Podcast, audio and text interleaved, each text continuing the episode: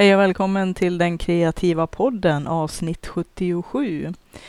77 är ju ett nummer som jag tänkte kunde vara kul att prata om eftersom att jag och min man träffades i ett maskinrum i Valsverk 77. Det tog 11 år innan vi slog våra påsar ihop på grund av att jag inte kände mig mogen för en fast relation. Och delar man 77 med 7 så får man 11. Det har i och för sig ingen som helst relevans för den här podden som handlar om kreativitet.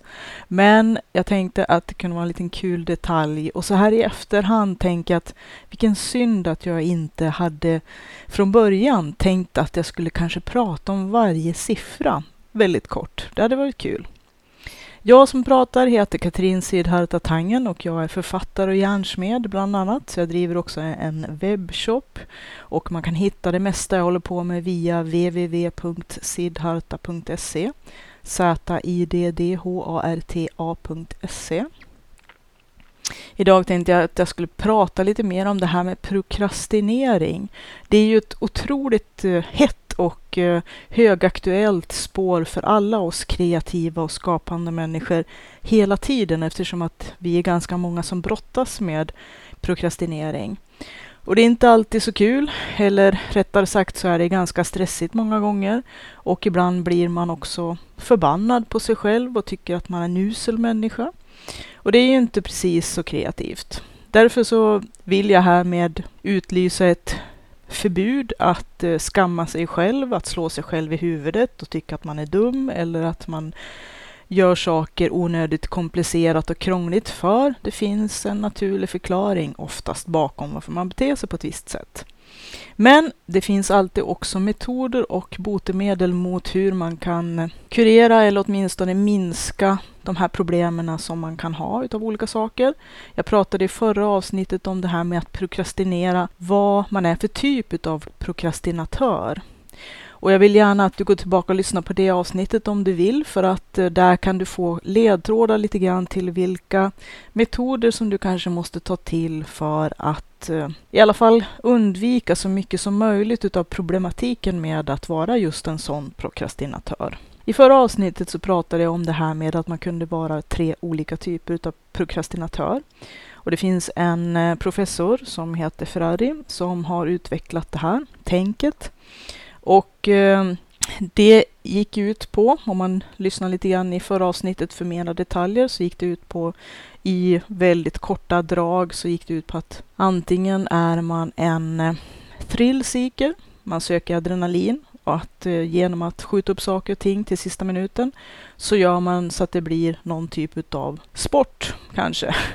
en ganska dålig sport eftersom att du orsakar väldigt mycket stress och att vi inte kanske helt och hållet någonsin får göra ett så bra jobb som vi faktiskt skulle vilja ifall att vi inte gjorde allting i sista minuten. Men att vi som behöver en spark tillbaka, jag är ju själv en thrillseeker eller en sån som behöver adrenalin för att sätta fart. Vi har ju en tendens att eh, vilja jaga deadlines. Det är inte smart alla gånger. Sen finns det två andra typer som jag egentligen skulle vilja klumpa ihop till en enda sort. Men att eh, det finns en anledning till att de är två stycken delade som jag kan förstå. Och den ena är den som är undvikande, som betyder att man är rädd för en del saker som gör att man undviker att fatta beslut och därför också undviker att göra saker som man kanske är rädd för att ska få dåliga konsekvenser. Den tredje typen är lite grann samma. Den är egentligen rädd för någonting specifikt, nämligen att det man gör inte ska bli perfekt. Och jag har ju pratat väldigt mycket om perfektionism och eh, att det är någonting man måste stävja i sig själv. Och jag är väl en kombo utav både thrillseeker och perfektionist. Så jag har liksom en mix utav de här två. Och jag tror att man kanske kan ha en mix utav alla tre eller kanske bara vara renodlat en enda typ eller hur man nu vill se det. Det här är bara ett sätt, en tankemodell, så man måste vara öppen för att det finns helt andra sätt att tänka. Men jag tycker att det är en ganska bra tankemodell, så gå gärna tillbaka till förra avsnittet som sagt, för där kan man få en hel del ledtrådar till varför gör man det här egentligen? För varje gång så, så säger vi oss själva, varför blir det alltid så här? Varför gör jag alltid så här? Och jag måste skärpa mig. Det är liksom klassiskt. Jag måste skärpa mig. Men idag ska vi inte prata så mycket om eh, de typerna. Det har vi väl kanske rätt ut nu. Däremot så kan man kanske fördjupa lite grann utav det här tänket med vilken typ av prokrastinatör man är. För Ferrari har väl delat in det lite mera och det är väl en del då som har kronisk uppskjutarsjuka, om man nu ska kalla prokrastinering för uppskjutarsjuka. För att det är väl lite grann det det handlar om. När man prokrastinerar så skjuter man upp saker och försöker på något vis, ja jag vet inte riktigt, vad försöker man egentligen? För att det är nästan lika oförklarligt varje gång. Varför har jag skjutit på det här så himla länge tills det blev jättejobbigt och tills jag mådde jättedåligt av det? Och så till slut när jag väl gör det, i alla fall så är det ofta så för mig när jag väl gör det, så tycker jag, men herregud, vad har gått här upp? och härjat upp mig för det här så himla mycket. När jag egentligen gör det så är det kanske piece of cake. Det är det som också ibland, det är nästan ännu jobbigare, för då blir man lite förbannad för det också att man har gått och hetsat upp sig jättelänge för någonting och så sen har man byggt skitstora mentala hinder och eh, prokrastinerat och skjutit upp och mått skitdåligt och så sen när man väl till slut ändå måste göra det, för så är det ju ofta med en del saker, speciellt när man faktiskt har en deadline som börjar jaga en. Och så gör man det och så tänker man, ja men det här var väl inte så himmelens svårt. Vad är det som gör ont egentligen? Varför kunde inte jag göra det här egentligen när det var dags, när jag skulle ha gjort det i god tid så att jag skulle kunna göra ett till och med ännu bättre jobb. Och egentligen var det ju inte så dramatiskt. Så det finns en hel del bitar i det här som är psykologiskt, ibland helt oförklarligt, åtminstone i stunden. Men när man tittar i ett eh, perspektiv lite grann uppifrån höjd eller från distans, skaffa sig ett perspektiv, då ser man ju att eh, ja, det finns ju mönster. Det finns ju saker man kan reda ut i det här. Men det finns i alla fall de som lider av kronisk uppskjutarsjuka. Ibland tycker jag nästan det känns som jag lider av det. Och att det är nästan 20 procent utav jordens befolkning som faktiskt lider av kronisk uppskjutarsjuka. Och det låter ju jättetragiskt och hemskt, men det finns botemedel och metoder och det är det vi ska prata om i det här avsnittet. Sen finns det de som man kan kalla då för beslutsmässiga uppskjutarbeteenden. Och nu kan man ju höra lite grann här på, jag skulle vilja klassificera det lite så här, det här är mitt fri, nu frihjular jag lite grann och spånar lite fritt. Men jag skulle kunna tänka mig att de som lider av kronisk uppskjuta där jag tror att thrillseeken, den som söker adrenalin, ligger risigt till och att den personen som alltid väntar till sista minuten och vill ha den här sista minuten ruschen eller sista minuten stressen eller en, måste ha den här kicken i baken för att sätta fart har kanske en, en chans att vara kroniskt uppskjutarsjuka. Men beslutsmässigt uppskjutarbeteende, det tror jag nog härrör till mer av de här andra två typerna. De som är undvikande och de som är perfektionister.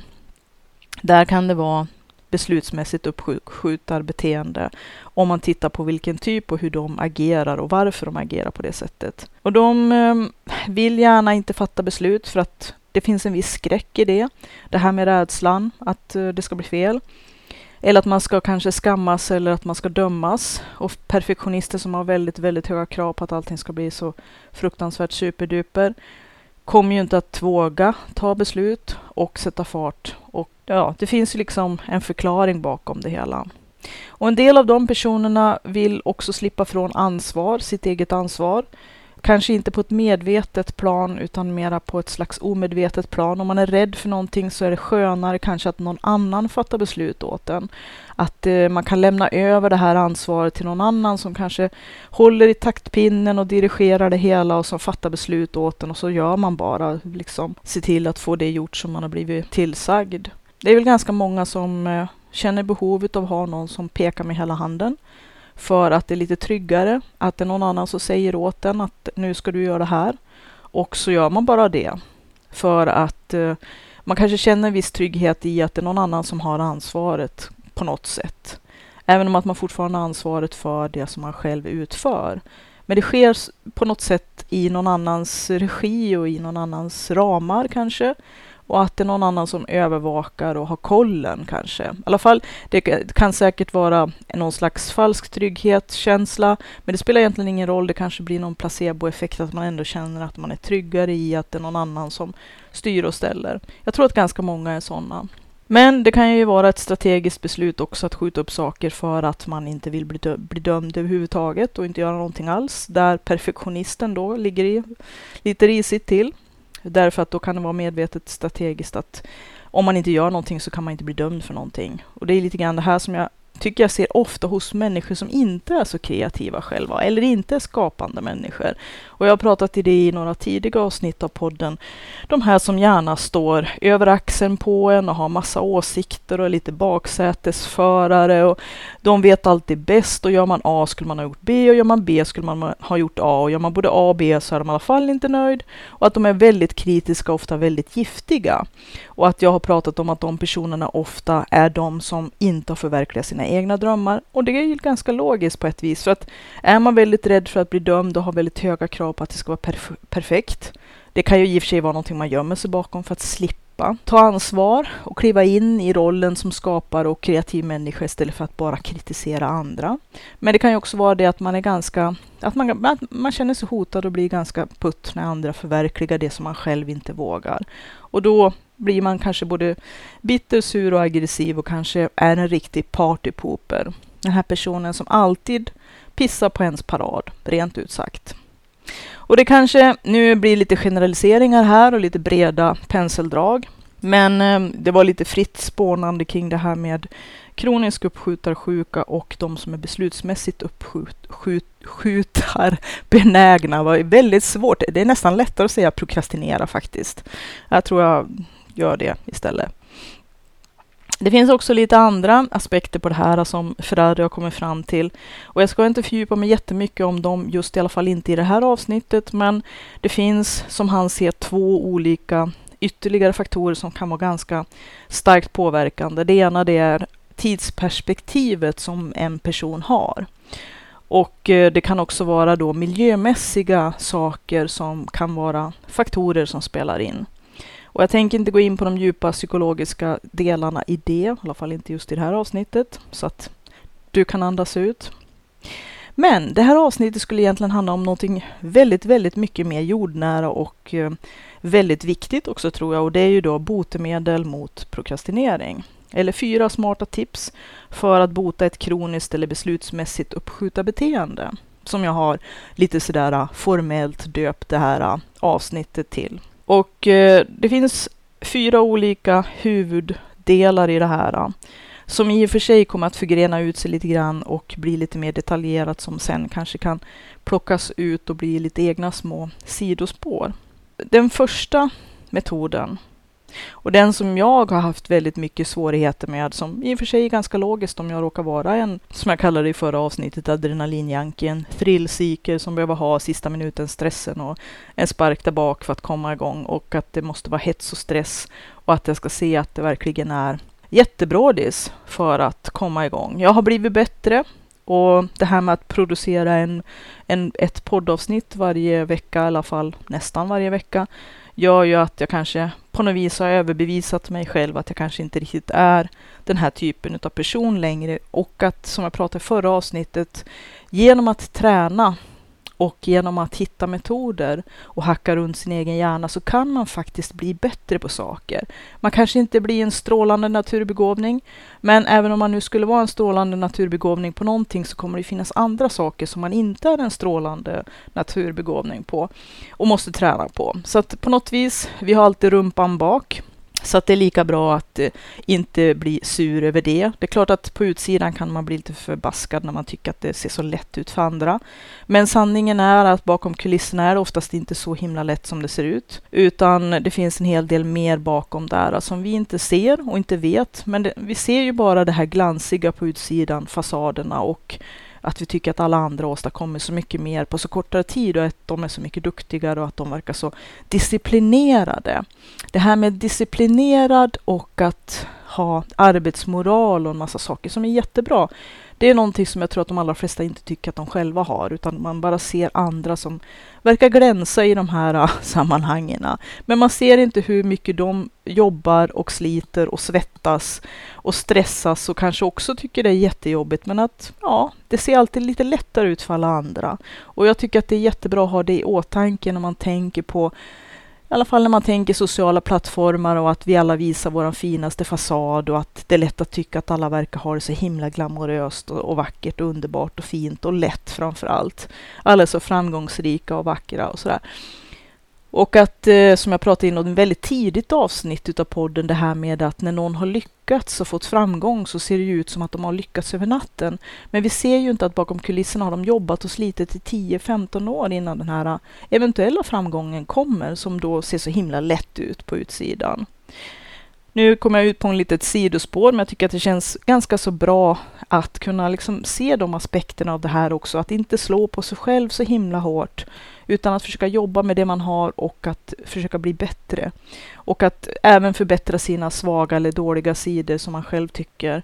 För att eh, det kan vara så himla mycket värt. Det här första steget, det är ju att eh, helt enkelt komma loss, som jag kallar det. Och att eh, det, det här med att komma loss har jag ju pratat om i ganska många poddavsnitt. Och det kan man ju lyssna tillbaka på också. Men jag tror att det som är viktigt, det är ju att eh, hitta sin inre motivation. Och jag har pratat en, en, del om det också, det här med inre och yttre motivation. Och ibland måste man köra med lite knep. Och det kan ju också vara ganska bra utvecklande knep. Som för mig till exempel så är det ju väldigt mycket livskvalitet och utvecklingspotential i att kunna lyssna på ljudböcker och poddar. Som jag också kan ha som en slags eh, en liten lock, ett litet lockbete för att komma igång, att komma loss. Det kan också vara eh, power music eller empowerments som man har i form utav peptalks som man kan lyssna på till exempel genom att ladda ner poddar som har sådana som tema eller TED-talks så att man kan peppa sig själv och att också kanske hitta sin inre peptalker. Alltså den som själv kan peppa sig själv är ju faktiskt någonting helt fantastiskt. Och det låter ju som någonting väldigt invecklat och kanske krångligt och komplicerat och, och lite overkligt. Men man kan faktiskt hacka runt sin egen hjärna och hitta sätt att kunna peptalka sig själv, att peppa sig själv. Och att om man bara hittar just de rätta knapparna och sättet att som jag ser det, tänka runt sin egen hjärna. Att man måste hitta just de här rätta knapparna att trycka in på sig själv för att komma igång. Det kan också vara att avdramatisera saker. Det kan ju vara att skaffa sig själv en röd tråd eller ledstång i form av arbetsrutiner, arbetsflöden. Jag ska prata mer om det längre fram. Det kan ju också vara att man behöver ha vissa typer av eh, rutiner och hitta vissa egenskaper och egenheter hos sig själv och arbeta med de egenheterna istället för att arbeta emot dem. Och det ska jag ta ett eh, grepp på längre fram tillsammans med det här med arbetsflöden. Det är oftast som jag känner väldigt bra att ha något att luta sig på.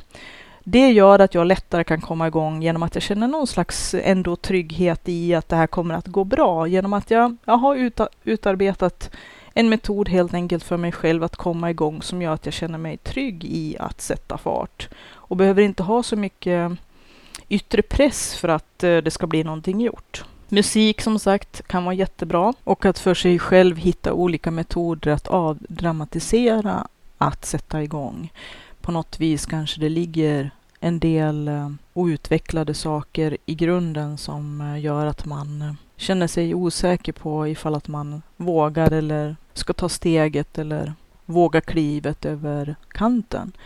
Och därför så behöver man kanske rota lite grann i vad är det som känns olustigt med att faktiskt sätta igång och få saker gjort. Om det är någonting sånt som ligger i bakgrunden. Väldigt få personer tror jag som prokrastinerar är lata eller har dålig arbetsdisciplin.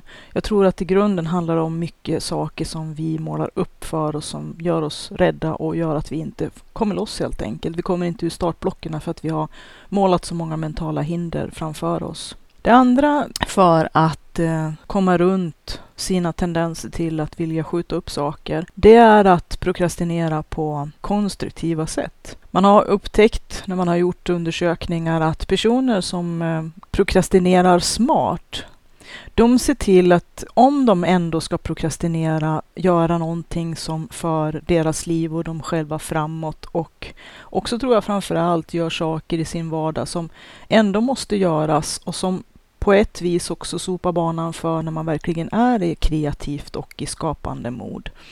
Så att man eh, inte bara sitter och har ågren och ångest och sitter och rör om navelluddet och eh, bygger mer och mer mentala hinder utan att man faktiskt ser till att göra andra saker. Och det här kommer ju också att eh, flätas ihop med den sista punkten i det här avsnittet.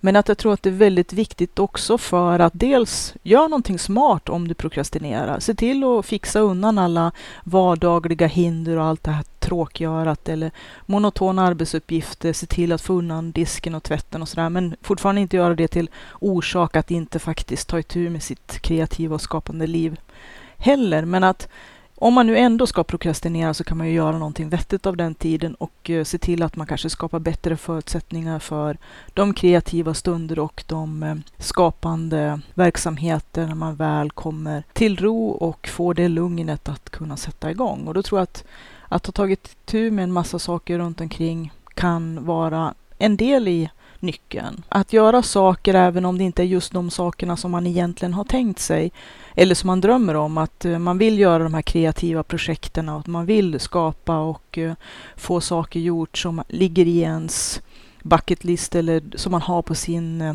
drömlista över saker som man faktiskt vill, vill, vill göra, men att det är olika saker som håller en tillbaka. Så tror jag att det är himla bra att få upp styrfart. Jag pratade om det i några av poddarna också, det här med att, att genom att beta av de lättare sakerna så får man mera självförtroende och styrka och mod och lugn att kunna också sätta igång och bita i de här grejerna som kanske känns lite mer skrämmande.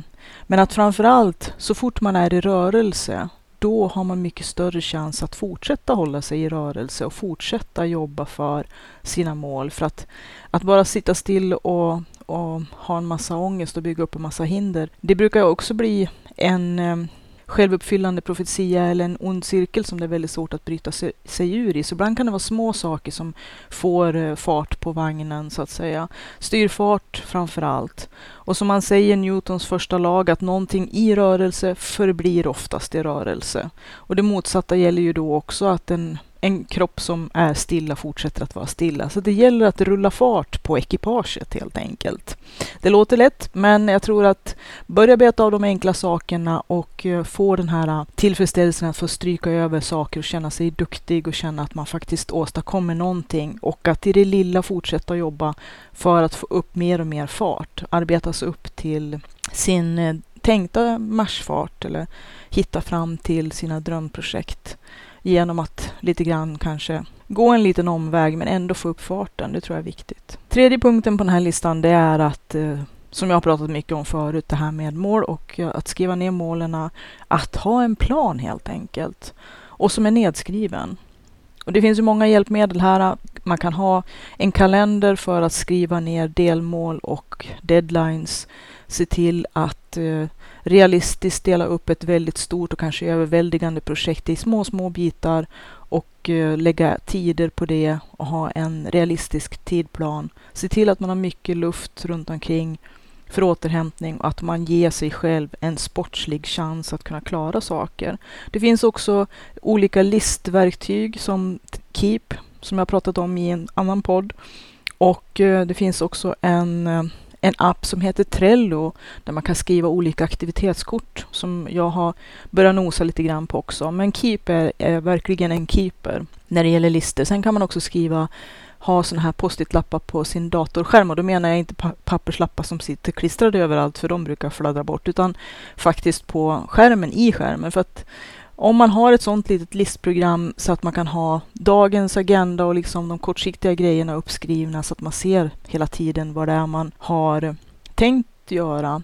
Man brukar ju säga out of sight, out of mind, att om man inte ser sakerna framför ögonen då brukar det bara falla åt sidorna och försvinna och så kommer man på långt senare att oj hoppsan, jag skulle ju, men eh, hoppsan, det tänkte jag inte på och det glömde jag bort och det, fall mellan vagnarna, det är tråkigt. En sån här liten listapp där man har sina mål och sina dagliga aktiviteter. De prylarna som är aktuella just nu Jag vet att min son han har en sån lista alltid på skärmen där han skriver upp vad han ska göra på dagen, om det gäller läxor eller sådana saker. Jag tycker han är jätteduktig faktiskt. Eh, han hela tiden har kollen på de saker som han måste få klart just den dagen eller den kvällen vad det gäller skolarbete och jag tror till och med, jag vet inte om jag har rätt, men jag har fått intrycket att han också sätter en timer på datorn för att eh, ha reda på tiden, hur mycket tid han till exempel ägnar åt att spela lite dataspel och sådär. Och att han har en liten eh, tids ett litet körschema på den här post-it-lappen på skärmen med eh, tider angivna för saker som man har tänkt att göra och den avsatta tiden han har tänkt att det ska ta. Och så sen betar han av den. Men att ha en plan, att skriva ner den och belöna sig själv. Vi har ju pratat en hel del om belöningar. Men det som jag också tror kan vara viktigt det är att ändra fokus. Att vi som är benägna att prokrastinera och lider av uppskjutarsjuka, vi har en tendens, igen kommer vi tillbaka till det jag pratade om i tidigare podd, att kreativa människor har en väldig inlevelseförmåga. Vi har en väldigt bra fantasi och vi kan väldigt väl se saker. Och det är ju saker som är bra egenskaper att kunna se saker i stora perspektiv och ta de här grova greppen de här breda penseldragen för att kanske till exempel skriva en storyram, en, en story arch som det sägs på engelska. Den här inlevelseförmågan kan användas till väldigt mycket kreativa saker, men den är inte så himla hjälpsam när man har också en väldigt stor kapacitet att kunna se helheten och många gånger så kan ju ett större projekt eller ett större åtagande eller något som är lite mer långtgående kan ju verkligen eh, vara skrämmande och överväldigande om man ser till helheten. Att om jag till exempel ska ha en utställning och ha som plan att jag ska ha 20, 30, 40 arbeten att visa upp till exempel. Det är ett ganska stort åtagande som kan skrämma rätt mycket bara för att ta ett exempel.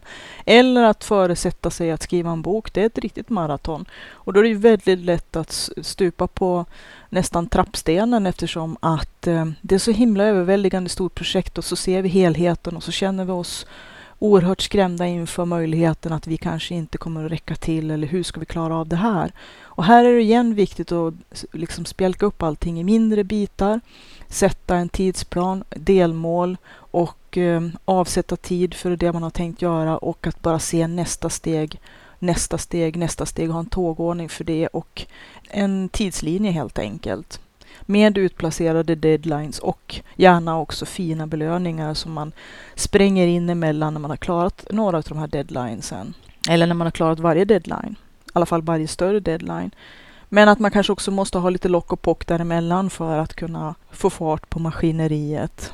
Ibland är det ganska enkla trick. Fjärde, det är ju en eh, som jag känner väldigt, väldigt väl igen och som jag pratade lite grann om i förra avsnittet och det är det här med att vi som är thrillseekers eller adrenalinjankis som behöver ha den här kicken utav att nu är det bråttom, bråttom, bråttom. Det är inte så himla smart ur hälsosynvinkel och eh, som sagt det här med att göra ett bra jobb kommer ju att bli mera begränsat.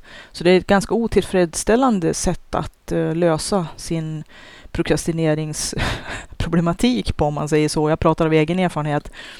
Men det är ju att man kan ju komma kring det här lite grann genom att skapa sista minuten panik i, i nuet. Och igen kan man ju peka tillbaka på det som jag sa tidigare, det här med att spjälka upp allting i delmål, ha deadlines och se till att göra sig själv ansvarig för de här deadlinesen.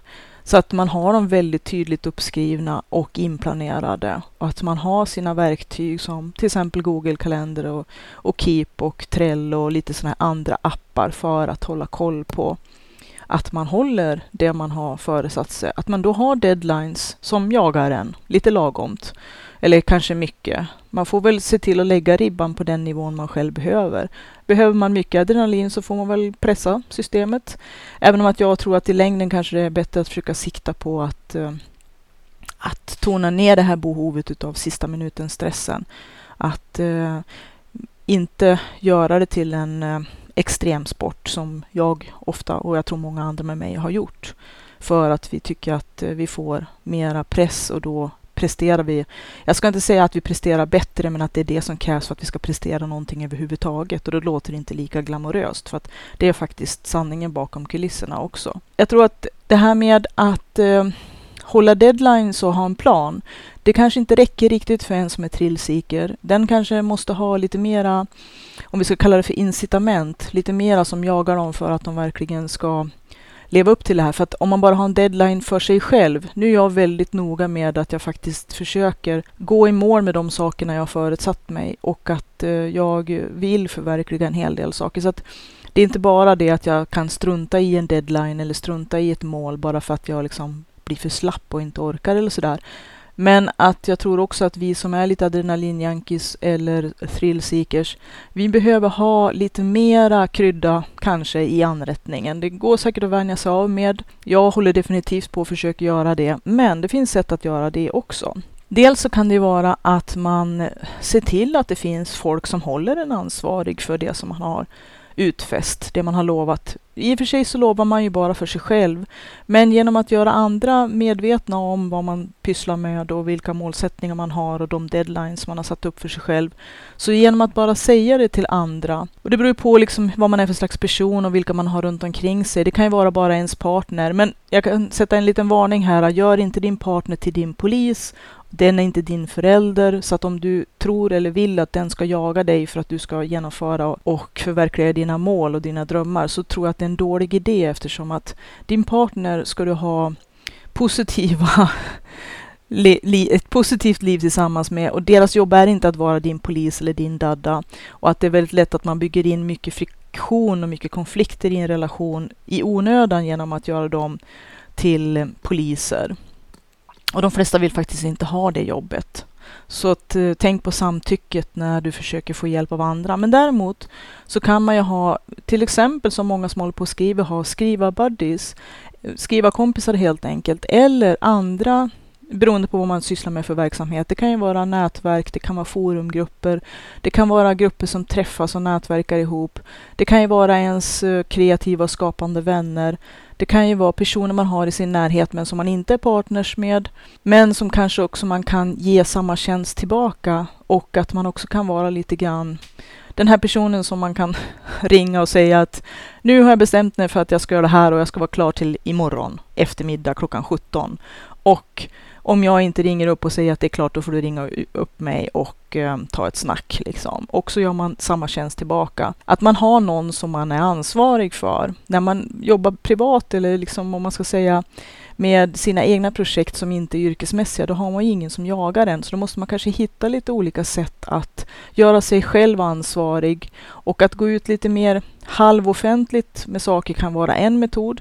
Man kanske skriver sina mål och sina deadlines på olika sociala plattformar. Men att då ska man kanske vara en sån person som tycker det är bekvämt och framförallt kanske inte tråka ut folk med att bara hålla på och grotta om de grejerna utan igen kommer väl det här med allmänt intresse och samtycke in i bilden att hålla det på en trevlig och lämplig nivå. Men att genom att kanske bara satt ut en blänkare då och då, att eh, nu ska jag göra det här och det ska vara klart då och då.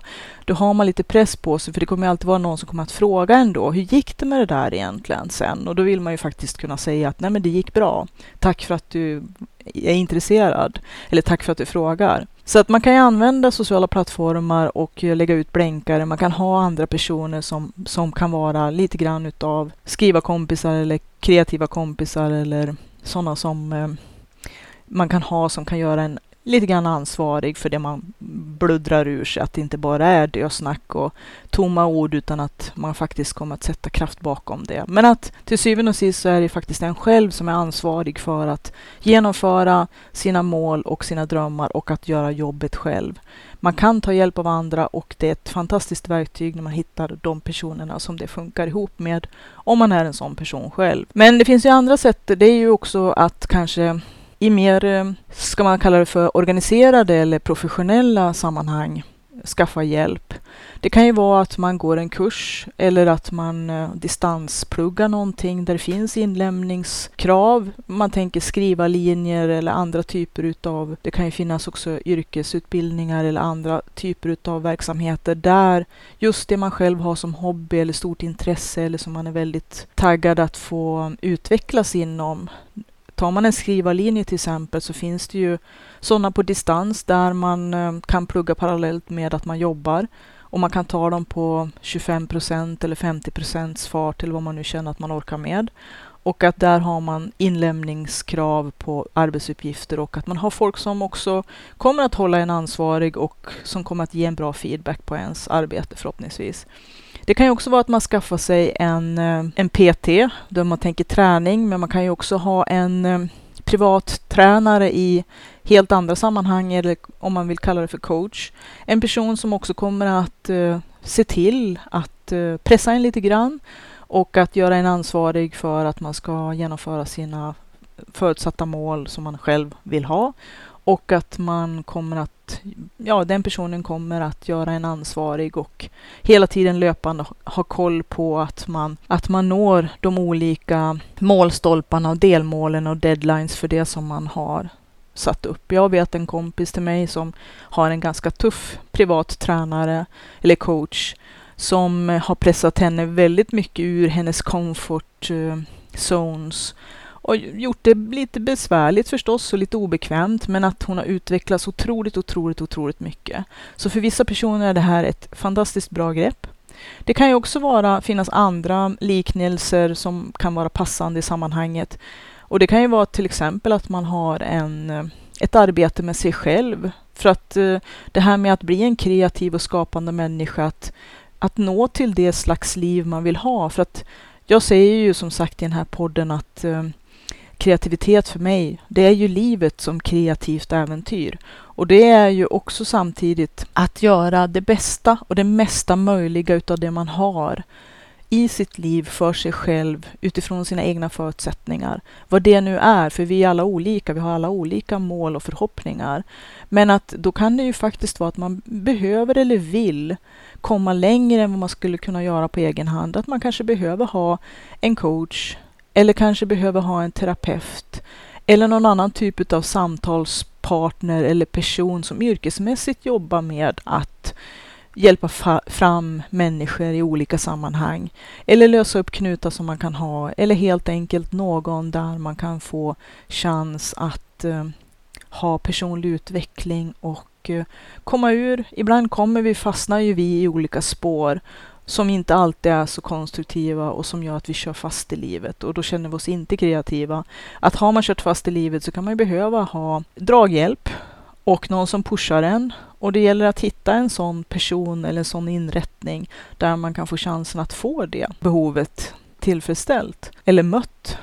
Men eh, det gäller ju att eh, hitta just den sortens eh, stöd och support och push som man själv vill ha och må bra utav och att också hitta rätta personerna eller grupperna för att göra det i. Man kan också ha grupper där ingen är ledare eller lärare eller coach som så, men att man har peer-to-peer, -peer, alltså att man har en grupp som, där man hjälper varandra helt enkelt. Att allas eh, samlade kunskaper och erfarenheter är någonting som man hjälper varandra med och tar del av och försöker att eh, både pusha och dra varandra och att man har feedback och vänner att prata kring någonting som man har samlats runt, vad det nu än är för någonting. Ditt liv ser ju säkert oerhört olikt ut alla andras liv och eh, då gäller det att hitta sina likasinnade. Det är svårare att förhala saker om man har andra som beror på en eller som i alla fall vet att man sysslar med en viss grej så att man lite grann måste leva upp till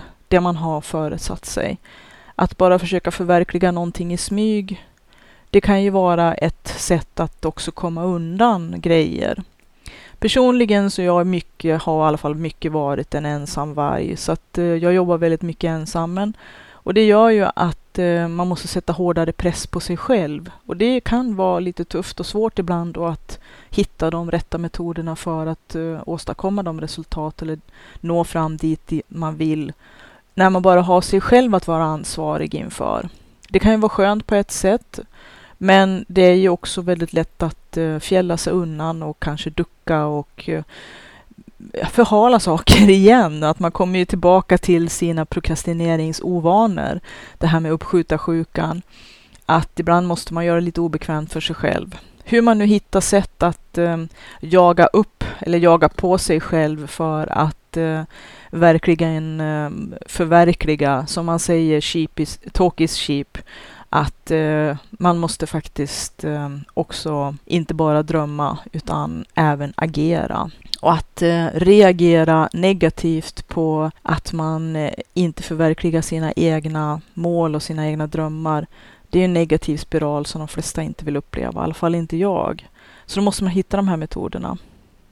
Men det här med att försöka få hjälp av andra. Jag har en sån här rolig mer med som eh, jag tycker är så himla bra. Men om man tänker på det här med att hitta folk som kan vara ens skrivarkompisar eller som kan vara ens coach eller privata tränare eller den som kanske ställer en till svars och gör det lite obekvämt och svettigt ifall att man inte lever upp till sina uppsatta mål som ska vara rimliga och som ska vara mänskliga och möjliga att förverkliga, absolut. Så det ska jag lägga in som en brasklapp. Inga fantasimål eller fantasideadlines, utan det ska vara med rejält med, med mån så att man vet att man har en buffert och att man kan klara det man har förutsatt sig.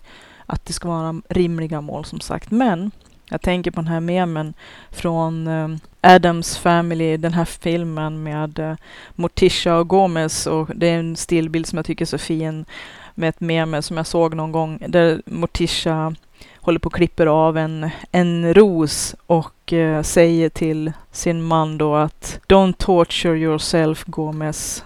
Och det låter ju väldigt fint. Tortera inte dig själv, plåga inte dig själv med all den här ångesten och allt det här. Men så lägger hon till det är mitt jobb. Det här är ju kanske förstås ett tveeggat svärd. Att eh, dels se till att sätta upp rimliga mål och att eh, hitta rätt folk eller rätt grupp där man kan fullfölja sina mål men utan att man eh, gör någonting som eh, blir negativt, mer negativt än positivt. Det är väl det som är grejen. Man kommer inte alltid att älska sina deadlines. Man kommer inte alltid att tycka att det var så smart idé. Varför skulle jag klicka ur mig att jag skulle göra det här? Nu måste jag ju leva upp till bevis här. Och det är lite det som är grejen att uh, i ett normalt liv så är vi ju ofta ganska stressade och det finns en hel del saker som är lite små pressande emellanåt. Och emellanåt så tycker man att herregud vad jag gör det svårt för mig själv. Varför ska jag inte bara skippa det här som jag har tänkt? Men så blir vi ju besviken på oss själva i så fall i efterhand att vi inte levde upp till det som vi hade, som vi hade drömt och tänkt. Att eh, okej, okay, det får vara lite obekvämt. Men fortfarande inte utan att, eh, att jag tycker inte heller att man ska driva sig själv till att bli någon sån här prestationspundare eller någon som eh, prestationsnojar och eh, har sönder sig själv bara för att vara Bror Duktig. Det är inte det jag säger. Så att man får ju ta det här eh, med att väga in det tillsammans med att ha balans i sitt liv, i sitt övriga liv. Och att eh, det är väldigt viktigt att skapa den balansen. Den måste man ju hitta till själv. Och det är klart, igen lätt att säga. Men eh, på olika vägar och att det är ju work in progress, att det kommer ta sin lilla tid. Det kommer det alltid att göra. Men i kort sammanfattning, fyra botemedel mot prokrastinering, fyra smarta tips för att bota ett kroniskt eller beslutsmässigt uppskjuta beteende. 1. Se till att eh, hitta dina hack för att eh, komma över det här eh, sätta igång motståndet som jag brukar kalla det. Och där finns det ju en mentalitet som jag själv använt mig av som jag kallar för att skeppa.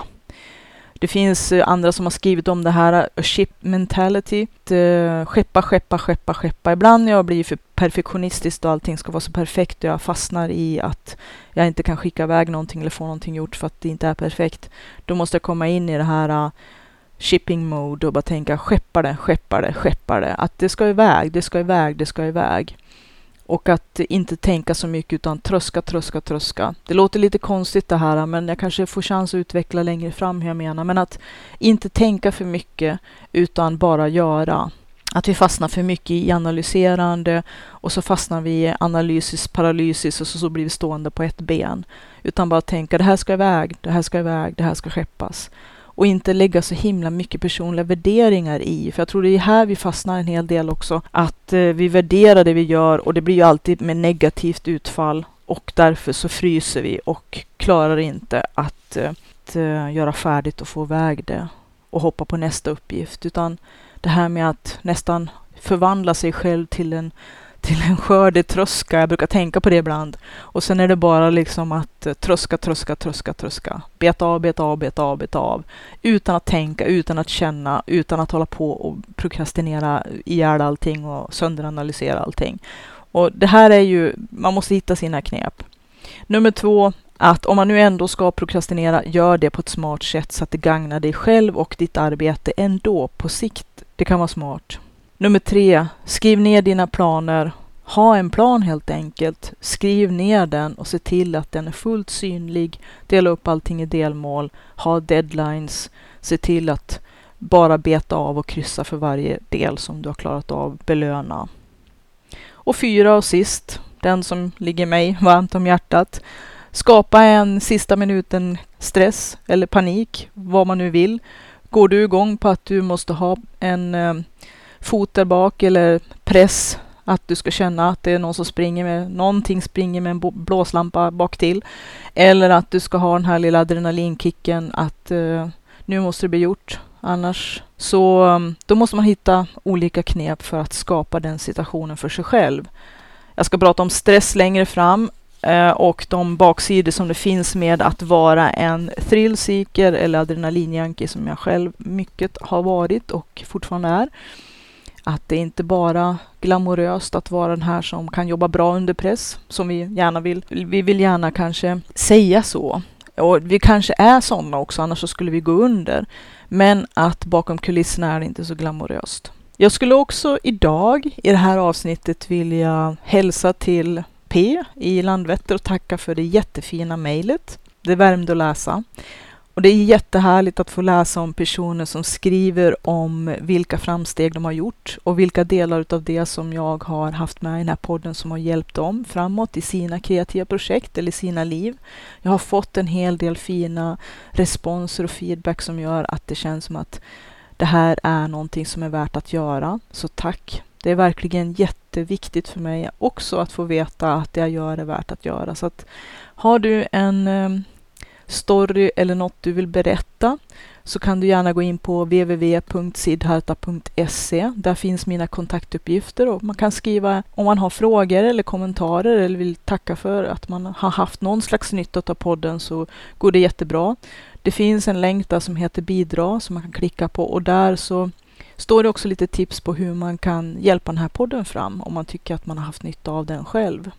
Man kan också bli Patreon genom att gå in på www.patreon.com sidis Z-I-D-D-I-S och eh, då får man tillgång till en hel del mera material. Mer kommer att komma också. Ha det gott och vi hörs igen.